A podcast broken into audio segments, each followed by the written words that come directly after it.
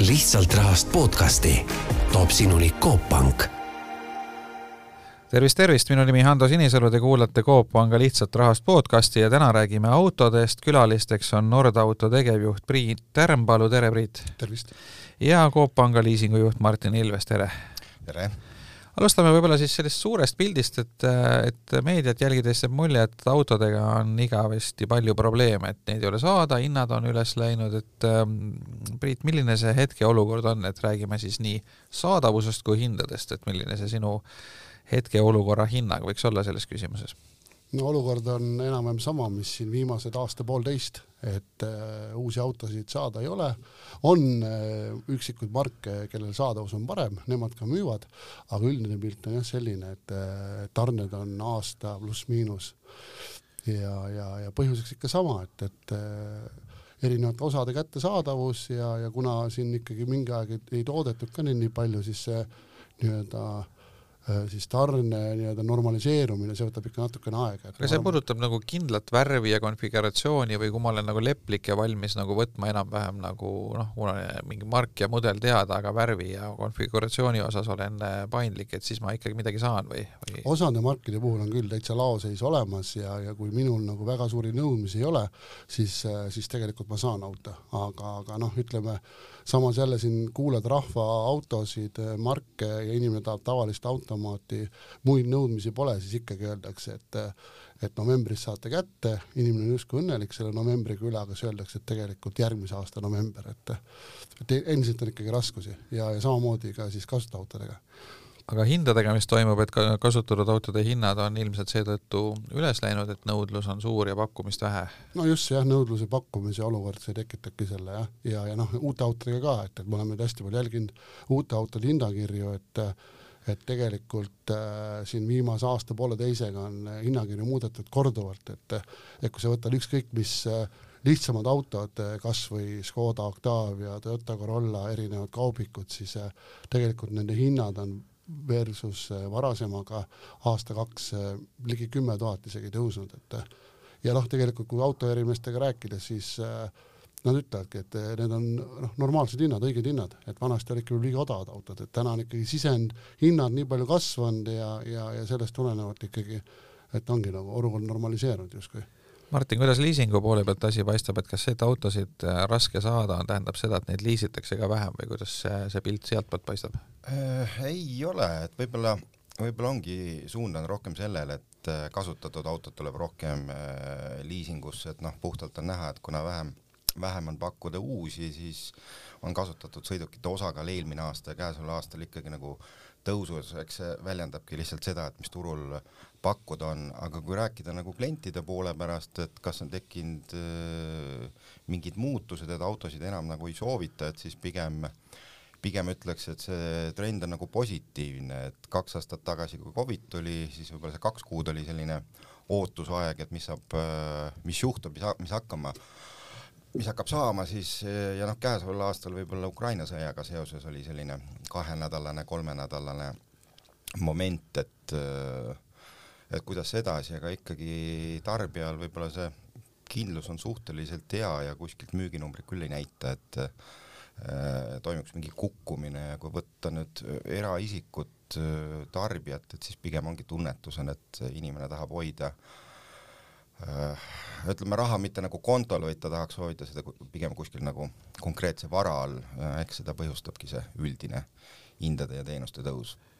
kui nüüd trendidest rääkida, et noh, üks asi on elektriautod, eks ole, mida siin päris palju räägitakse, et, et peagi siin mõned riigid juba keelavadki sisepõlemismootoriga autosid ära ja küll siin mõni firma enam ei tooda diislit. Ja noh, teisest küljest kütusehinnad, et kas on nagu tarbija käitumises ka märgata seda, et inimesed tahaks näiteks väga siis säästlikke autosid või elektriautosid, noh, selline klassikaline eh, Eesti autotarbija maitse on olnud ju ikkagi pigem selline natuke suurem ja võimsam auto, et kui vähegi raha on, et siis eelistatakse sellist natukene võimsamat ja suuremat autot, et et me ei ole siin nagu noh, ma ei tea, kui Lõuna-Euroopas ringi vaadata, mis eh, Itaalias ja Prantsusmaal on ikkagi üldjuhul pisikesed eh, ökonoomsed autod, et meil ikkagi noh, on see pilt teistsugune. noh, kui ma võtan siin Coop Leasingu seisukohast, et milliseid marke äh, kliendid äh, soovivad, et ega see viimase kahe aja, aasta jooksul midagi oluliselt muutunud ei ole, et populaarsemad margid on ikkagi nagu Toyota, Škoda ja Volkswagen ja ütleme hinnavahemik kuhugi sinna kakskümmend, kolmkümmend tuhat ja kui me vaatame nüüd seda kilovattide arvu, et mis meil klientidel on, et ta ikkagi kipub jääma sinna saja piiresse, et võib-olla sellist noh, kakssada kilovatti ja üle, et eh, need on pigem nagu erandid, et eh, auto on ikkagi võib-olla viimase kümnendiga muutunud selliseks praktiliseks esemeks, et kus võib-olla seda nagu kiirendust ei peeta nii oluliseks ja võib-olla enam ei elata nii palju kui naabritele mm. -hmm. aga nüüd äh, Nord auto poole pealt, et teil on valikus ähm, teise ringi autosid ka, mis on päris sellised eksklusiivsemad ja ja kallimad, et mis te, kas te märkate seda ka, et on näiteks kütusekulule hakatud rohkem tähelepanu ostma ja, ja, ja mingid V6 autod enam nii hästi ei lähe kui vanasti või? Äh, meie märkame küll seda jah, et meil tegelikult täna saalis äh, on niisugune sada pluss autot ja, ja kindlasti on alati saadaval meil elektriautod, täiselektriautod lisaks hübriididele, pistikhübriididele et päris mitu kohe valikus ja, ja tegelikult me näeme nõudluse kasvu, et küsitakse üha rohkem ja, tegelikult ostetakse ka, et kui vanasti ei olnud igakuiselt meil elektriautot müüginumbrites sees, siis täna on ikka igakuiselt sees, et toome siis tellimusena otse kliendile Euroopast ja, ja siis ostetakse ka saalist, et ja, ja valdavalt siis lähevad ikkagi mitte need väikesed elektriautod, vaid ikkagi need kallimad premium-klassi elektriautod, et inimesed, kes ikkagi ennem sõitsid kallite uhkete autodega, siis täna ikkagi vaatavad juba seda kütuse hinda ja ütleme, nendel autodel võib-olla see kütusekulu oli ka suurem, siis äh, täna ikkagi võetakse niisugune viiskümmend pluss, äh, sada pluss, miinus tuhat maksavad ikkagi vähekasutatud uued elektriautod, jah. Aga kui nüüd järelturust rääkida, siis ähm, kui, kui praegu nüüd mõelda auto ostmise peale, et mis, kas, kas on võimalik kuidagi iseloomustada seda autot, mis võiks äh, järelturul hinda hästi hoida, et ma ei tea, võtame see keskmine liisingu pikkus siin, ma ei tea, kolm või viis aastat, et et milline auto siis pärast seda perioodi oma väärtusest kõige rohkem säilitanud on? no ma natuke tegin analüüsi, et äh, piltlikult, et kui me võtame sellise sama hinnaklassi kakskümmend kuni kolmkümmend tuhat maksev auto, et kui nüüd klient ostis selle kaks aastat tagasi sügisel et sisuliselt neid autosid müüakse täna turul täpselt sama hinnaga. nagu polekski kaotanud väärtust üldse? jah, et ütleme, kukkumine võib-olla jah, et luksusklassis paratamatult on kukkumine kiirem, aga nüüd selline noh, nimetame siis konkreetset margit ka, et näiteks Kiia või Kiia Sportage, Toyota RAV4, et no siin ilusasti nagu näha, et et ta ei ole nagu kuluartikkel olnud, et kohati isegi väike selline investeerimisobjekt. seda pole kunagi varem vist ajaloos, ajaloos olnud, et no, ma võib-olla mäletan eelmisest kriisist, et äh, on jäänud meelde, et kui see nüüd ütleme, olukord hakkas stabiliseeruma, et siis Toyota Land Cruiser oli ka selline objekt, et kui ta kriisi ajal kukkus, siis pigem pärast hinnad suhteliselt kiiresti tõusid. Äh, aga ütleme jah, et kui siin rääkida võib-olla alg-, halbadest ja headest aegadest, et siis võib-olla see noh, luksuskaup on see, mis äh, kukub, aga ütleme, selline praktiline sõiduk auto mõistlikus hinnaklassis ja kui inimene ikkagi võtab selle selle mõttega, et on vaja nagu sõita ja äh, ei võimendu üle, et ega siis ta on praktiline äh, vajadus. mis äh,, mis automüüja poolelt paistab, et äh, noh, meie poolelt paistab täna küll see ka jah, et, et niisugust äh, kindlat äh, marki või, või siis mudelit või autot pole, mis nagu hoiaks paremini hinda, et täna on seis selline, kus kõik on hästi hinda hoidnud jah, et, et äh, meie vaates siis ma ei tea, kaks-kolm, isegi võib-olla neli aastat tagasi müüdud autod on põhimõtteliselt täna sama hinda väärt, mis nad siis olid müües, et, et, et huvitav olukord on jah, et et inimesed on sõitnud siin aastaid autoga ja tegelikult võivad täna müüa sama hinnaga maha, millega siis ostsid. või siis ütleme isegi, kui nad on ostnud siin aasta-kaks tagasi uue auto salongist, siis hinnakirjad on vahepeal nii palju tõusnud, et tegelikult täna nad võib-olla saavad selle autost isegi rohkem raha, kui nad siis uuena ostsid, et aga kuidas elektriautod väärtust hoiavad, et siin on hirmud sellega seoses, et aku võib-olla ei pea vastu ja aku on, moodustab nii suure osa auto hinnast, et, et kardetakse, et äkki see aku ikkagi ei kesta kaua ja, ja, ja kuidas sellega lugu on? täna me oleme nüüd mõned, vabandust, mõned aastad oleme müünud elektriautosid ja ka kasutatud ja vähekasutatud, et et pole probleemi olnud, et aut-, akutestid siin näitavad küll jah, mingi kaheksakümmend viis protsenti, üheksakümmend protsenti on siis nii-öelda järgi, aga, aga ütleme, kuidagi see ei väljendu nii-öelda auto kasutuses, et, et äh, ei ole, ei ole lugusid jah, et äh, võib-olla peab natuke rohkem ootama veel, et, et hakkaks tekkima olukord. siin on vist võib-olla see automüüjate poolne turvatunde tekitamine ka, et ega need paljudel on juba see auto enda garantii viis aastat ja akudele antakse ka kaheksa mm. aastat, et ega see keskmine inimene sõidab ikkagi, et ütleme, see üks osa mõtleb kolme aasta pärast vahetusele, teine osa viie aasta pärast, et ega neid, kes sõidavad kaheksa aastat ühe autoga, noh, ma arvan, et neid on suhteliselt vähe, ma ei tea, Priit võib ei, ei, ega ongi jah, kahe-kolme aastane nad vahetatakse, aga me oleme müünud siin äh, teise ringi Nissan Leafi, kolmanda ringi Nissan Leafi, oleme samu hübriidautosid äh, müünud siin, äh, millel on ka akud ju ja läbisõitudega seal juba paarsada tuhat, et, et inimesed sõidavad jah, et seal võib-olla aku võib-olla jah, ütleme, mahutavus ei ole nii hea enam ja see range langeb, aga, aga kes siin võtab endale teiseks autoks elektriauto linna, linna äärde kuskile elab viiskümmend kilomeetrit keskmiselt on nii-öelda nii-öelda kulu siis päevas, et noh, seal ei olegi nagu mahutavust väga vaja, et paneb ööseks ta maja ette laadima ja jah, et kui ikkagi nagu inimene, kes sõidab üle kahekümne tuhande kilomeetri ja elab eramajas, et siis tasuks küll vaadata, ütleme võib-olla nagu elektriauto poole, et elektriauto hind võib ikkagi tunduda justkui võrdluses bensiini, diisliga nagu kallis, aga samas kui ikkagi võtta nagu ütleme nüüd kogukulupõhiselt, et siis viie aasta jooksul kokkuhoitav kütused, see on ikka võib-olla kohati selline kümme-viisteist tuhat, et sisuliselt kui vaatad kolmekümne viie tuhandest tavasõidukit, siis võiksid vaadata ka viiekümne tuhandest äh, elektrisõidukit, et äh, tuleb sama kuluallikas see ongi, tahtsin jah, märkusena öelda, hästi huvitav, mida me saalis näeme, et kui ennem inimene vaatas endale kolmesaja euro seest äh, kuumaksega siis autot ja, ja siis vaataski, et elektriautot selle eest ei saa, siis täna juba arutatakse nagu teistmoodi, et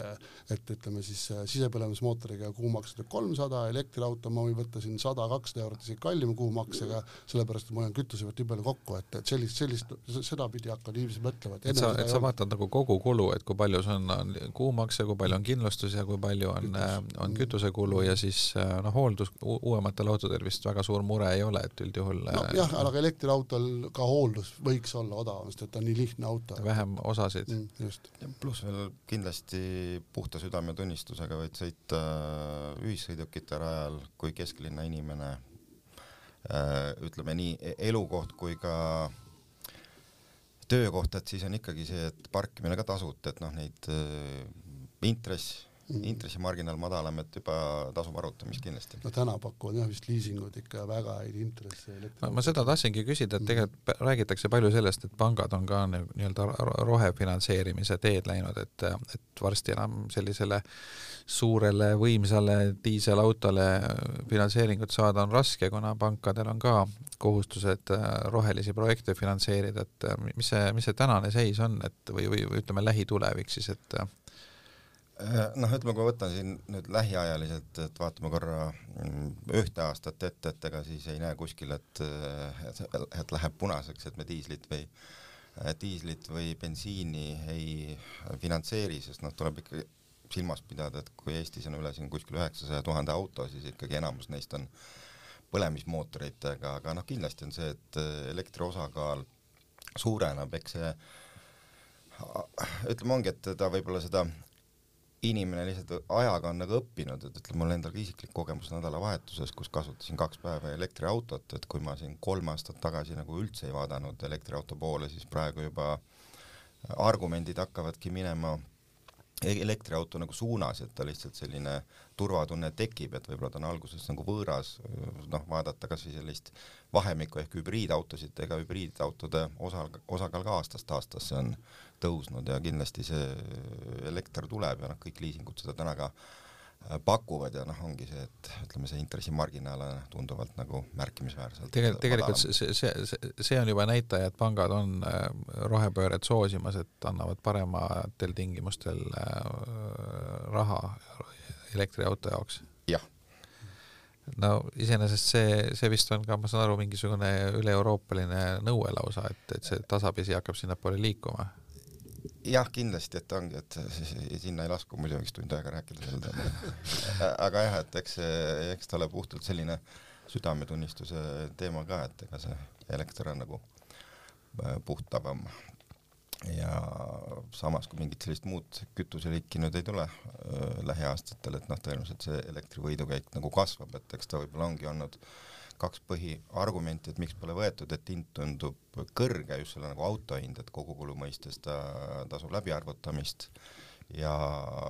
noh, ütleme hirm võib-olla nagu laadimistes ka, aga noh, samas on ikkagi üle Eesti neid laadimispunkte piisavalt palju, et ega sa ikkagi väheke planeerides äh, kuhugi keset teed seisma ei jää. Nojah, ma saan aru, et siin vist põhimure on nendel, kes elavad suurtes korrusmajades, et seal ei ole laadimisvõimalusi, aga kui sul on äh, väike kortermaja või siis äh,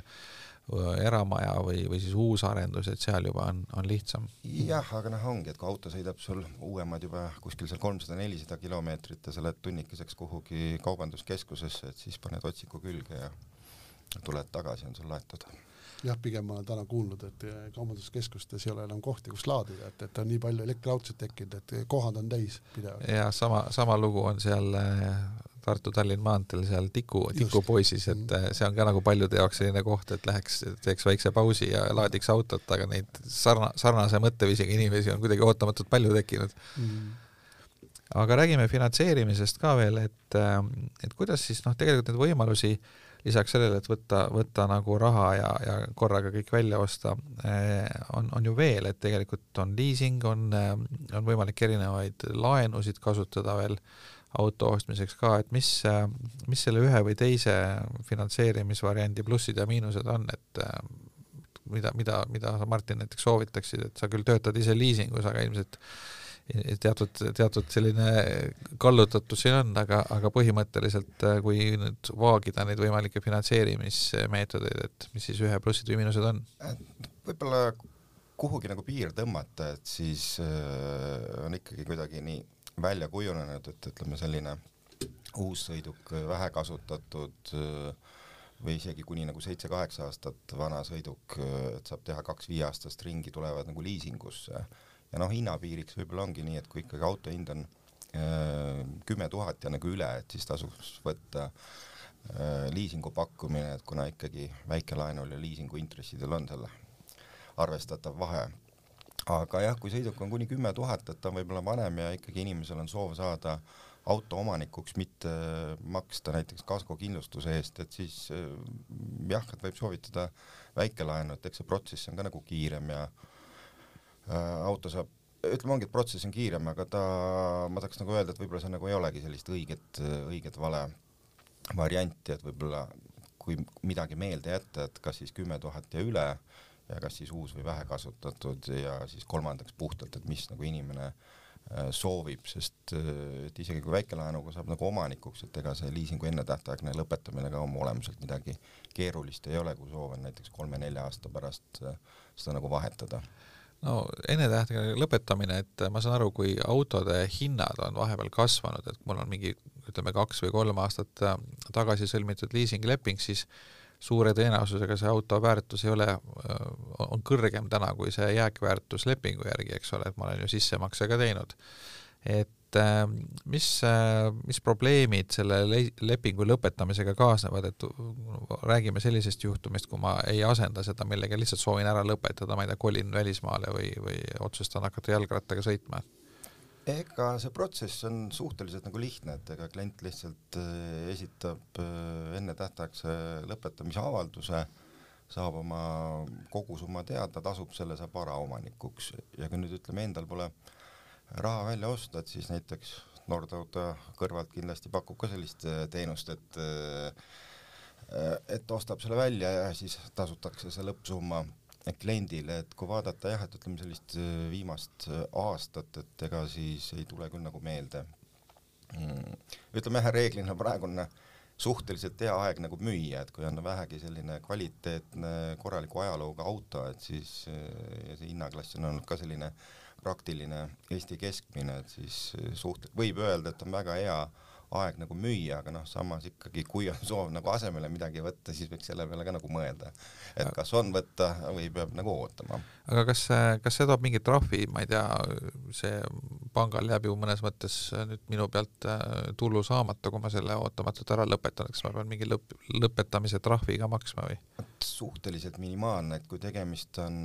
ujuva intressiga, kapitalirendiga, siis on see üldse tasuta ja kui on tegemist, ütleme, kasutusrendiga, kasutusrendiga, siis äh, eks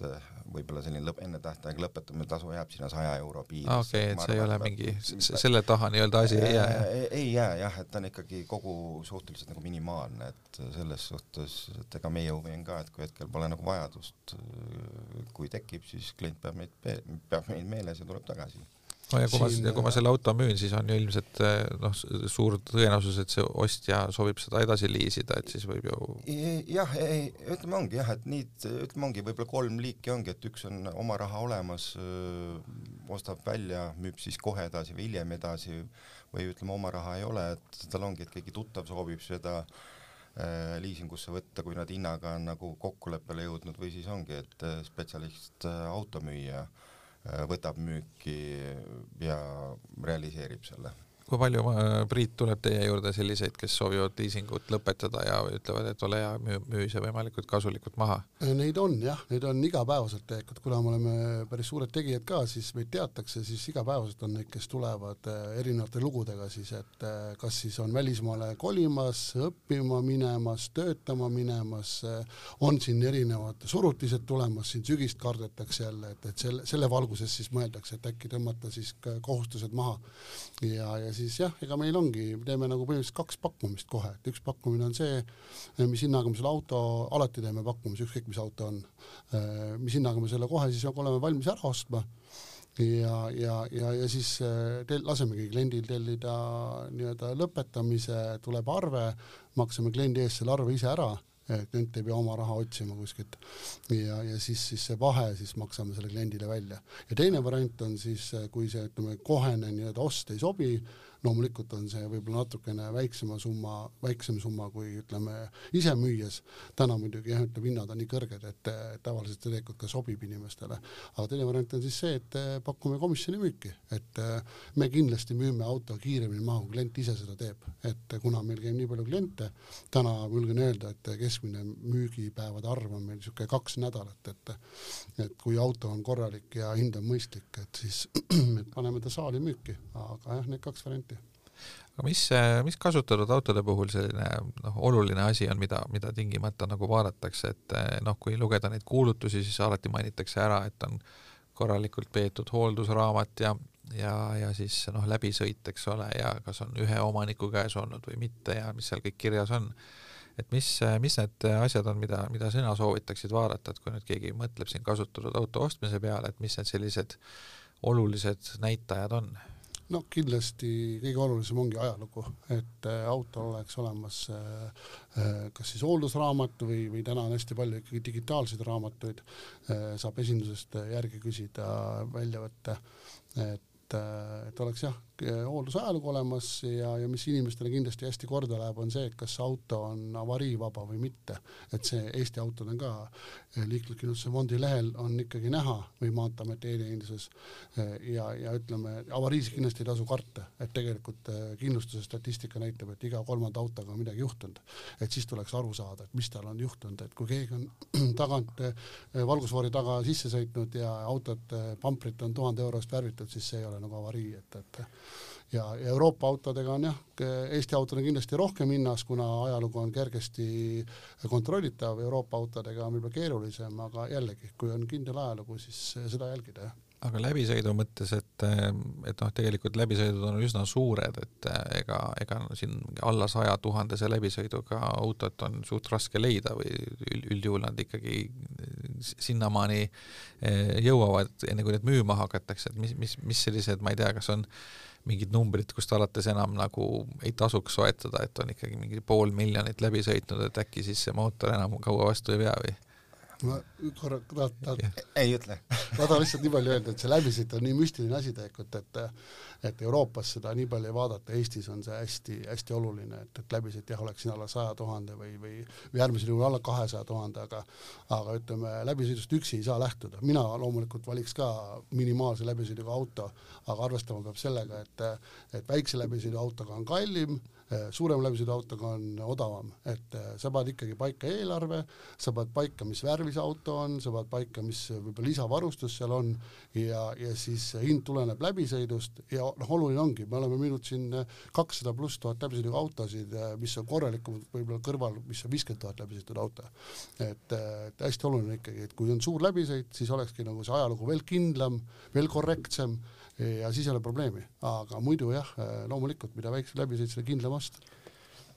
Jah, et võib Priidu lihtsalt lisan, et võib-olla ka individuaalne kogemus, et, et järjest enam nagu inimesed tahavad osta nagu turvatunnet, et nad ei taha võib-olla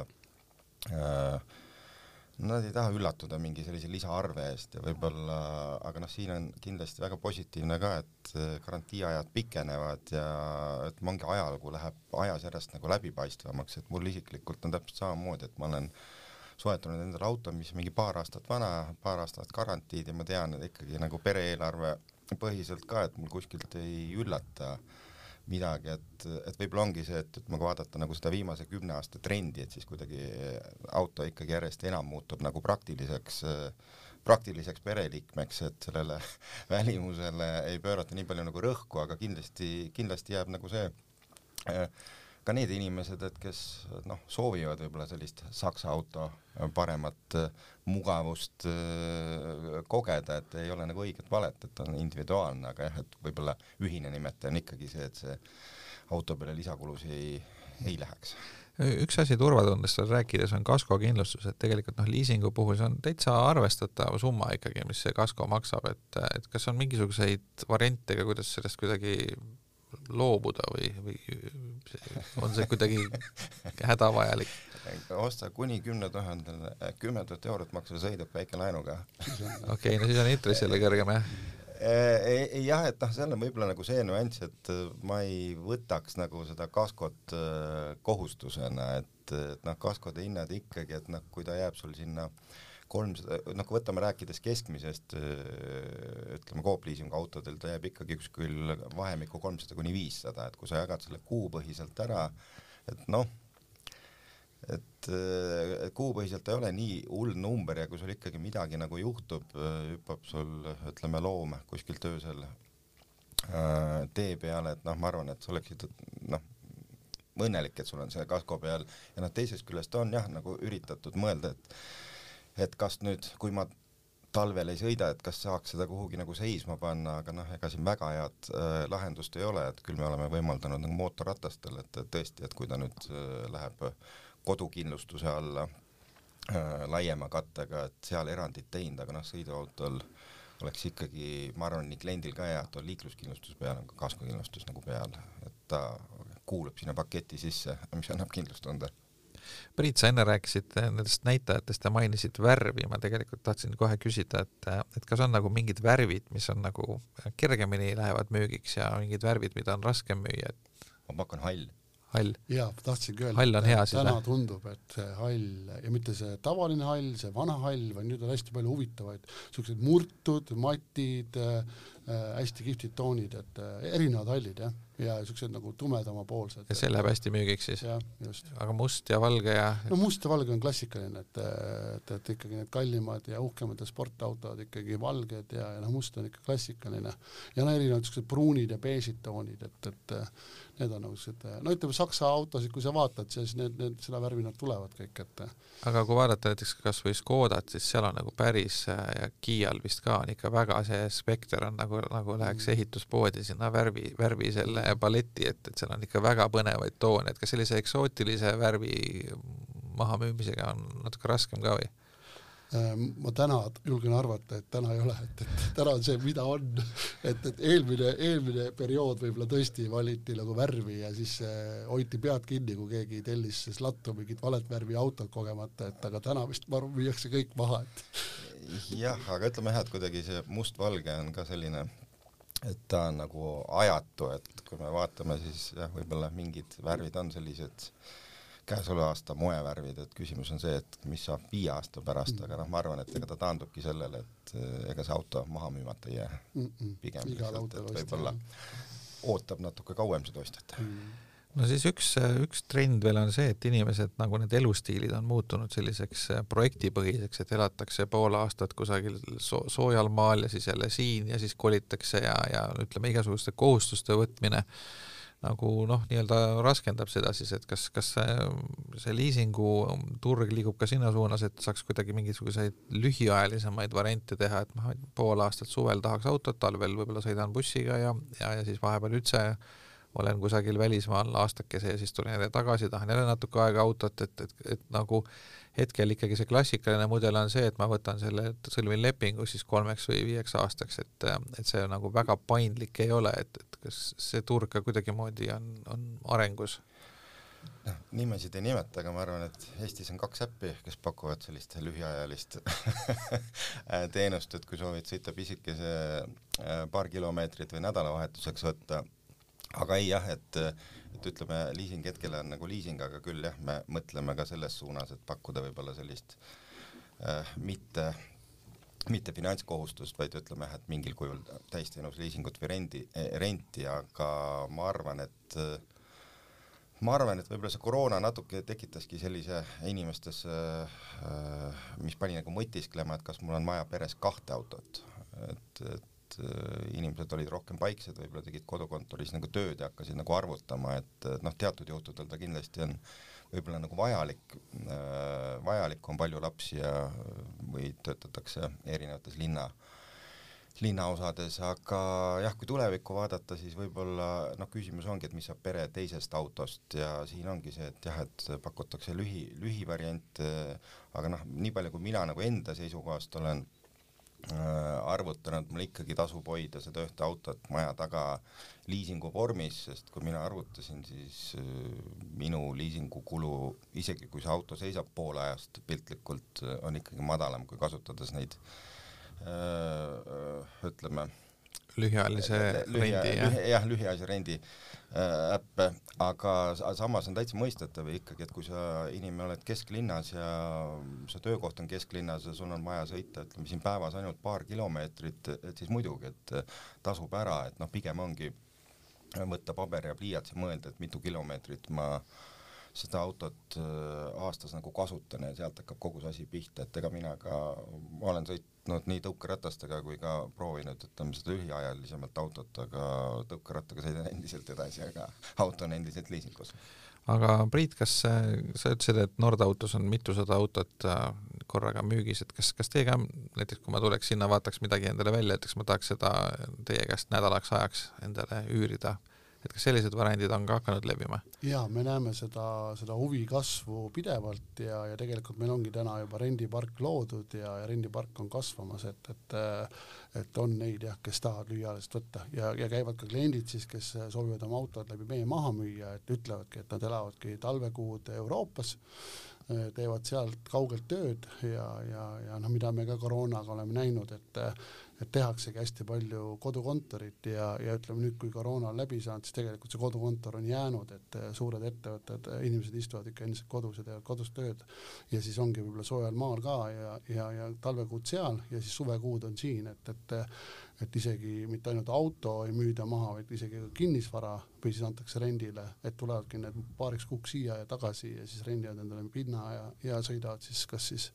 selle nii-öelda sõidujagamisteenuse autoga või, või tulevad siis küsivad meilt näiteks kolmeks kuud. see on põnev, sest sellega tegelikult kaasnevad jälle ootamatud kulud, siis tuleb mingi miniladu võtta, kus hoida oma majakraami ja, ja tegelikult see nagu võib-olla esmapilgul tundub maru odav, aga kui sa hakkad seda nagu detailselt kõike arvutama, siis see võib-olla nii ilus ei tundugi. no samas, kui sa vaatad miniladude äri, siis minu meelest see on ka kasvavas trendis, et ma ise elan Peetris, ümberringi ainult kerkivadki minilaod ja, ja ütleme, saan aru, et need on täis kõik tegelikult kaupa e. eks ta nagu olenebki, aga noh, samas, samas märgin ikkagi ära, et ega see kuue kuu rent võib olla sul sama kulu, mis võib olla aasta liising. aga võib-olla noh, inimeste mentaalsuses on nagu vahe, et üks on see, et kes on nagu paikne, tema jaoks nagu see finantskohustus on iseenesest mõistetav, et ma elan siin, ma kasutangi viis aastat ja kõik hästi, aga lihtsalt pigem ongi see, et ta nagu vajadusepõhine, et on ka täitsa arusaadav, et kui ma pool ajast siin pole, et siis ma pigem nagu eelistaks renti, mis ei ole nagu nii siduv kui finantskohustus, kui liising. Nii, aga tõmbame siis siinkohal otsad kokku, et, ähm, et saatest võib-olla selline üks põnev kõlama jäänud teema on see, et, ähm, et nii-öelda sellises lähiajaloos äh, vist esimest korda meil on olukord, kus auto on nagu muutunud äh, mitte, mitte nagu eksootiline mingi superauto, vaid täitsa tavaline tarbeauto on muutunud investeerimisobjektiks, mis aja jooksul oma väärtust kasvatab, et seda seda me vist ei mäleta, et oleks, oleks vähemalt lähiajaloos olnud. Ja, ja iseenesest äh, autoturg on siis äh, paindlik, et ostetakse, müüakse palju ja, ja, ja nii uusi kui, kui pruugitud autosid, et selline väga, väga aktiivne turg. Ja mm, veel mulle jäi meelde siit see, et äh, sa vist mõlemad kinnitasid, et e-, eestlased on muutunud rohkem selliseks pragmaatiliseks või praktilisemaks, et sellised nagu Äh, sellised äh, praktilised äh, nagu igapäevaautod on, on praegu selline kuum kaup, et, et võib-olla sellist äärmusi nagu väga, väga odavaid ja väga kalleid siis on nagu vähem või? mul finantsasutuse töötajana on selle üle nagu hea meel, et inimesed valivad pere ja ütleme, muud olulisemad nüansid kui see, et panna rõhku nagu autole, mis on praktiline vahend aga just. kõik elavad vastavalt võimalustele, et äh, Priidul on kindlasti hea meel, kui müüakse ka luksusautosid. jah, meil on luksusautosid ja me müüme ka neid, et, et õnneks on jah, igas segmendis kliente ikkagi olemas.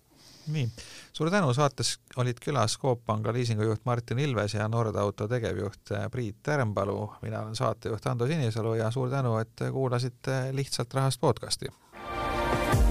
lihtsalt rahast podcasti toob sinuni Coop Pank